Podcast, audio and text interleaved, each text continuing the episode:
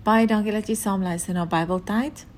Ek hoop hierdie toep inspireer jou ook, soos wat dit my inspireer in die oggend as ek my Bybel lees en dit saam met julle deel of vir julle ook voorlees.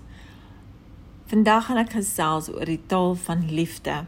Ek het 'n artikel gelees onlangs oor dit en dit het my nou nogals weer eens laat besef dat in hierdie tyd het ons mekaar se liefde soveel nodig. En ons lees 'n stukkie uit Spreuke 11 vers 25. Wie ander voorspoed gun, sal self oorvloed hê. Wie die dors van ander les, sal self genoeg kry as hy dors is. Sjoe, as ons mekaar maar net kan ondersteun, meer en meer ondersteun in die lewe. Ek wil sommer terwyl ek dit noem, wil ek voorstel dat jy ook vandag iets moet begin wat ander mense kan ondersteun. Ons moet nie altyd dink aan wat wat ons doen nie, maar dis goed vir ons om te sê dat ons doen iets vir ander en dan sal dit ander mense ook aanspoor om iets te doen vir die wat nodig het, die wat liefde nodig het en omgee nodig het. Ek het onlangs aanhalinge gelees van bekendes en George Washington Carver het baie inspirerende aanhalinge gehad. Hy was 'n scientist.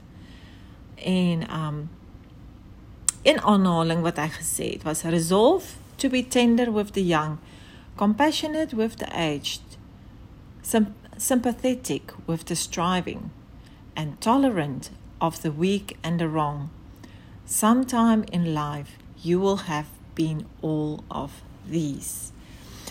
Nog enetjie wat hy wat ek kan aanhaal wat hy gesê het was anything will give up its secrets if you love it enough.